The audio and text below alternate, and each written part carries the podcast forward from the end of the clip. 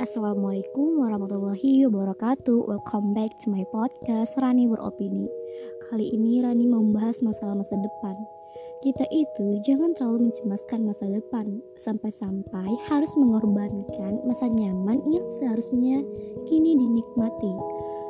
Padahalnya, masa depan itu masih terus menjadi misteri, berujung bahagia atau tidak, gagal atau berhasil, kaya ataupun miskin, hanyalah kemungkinan.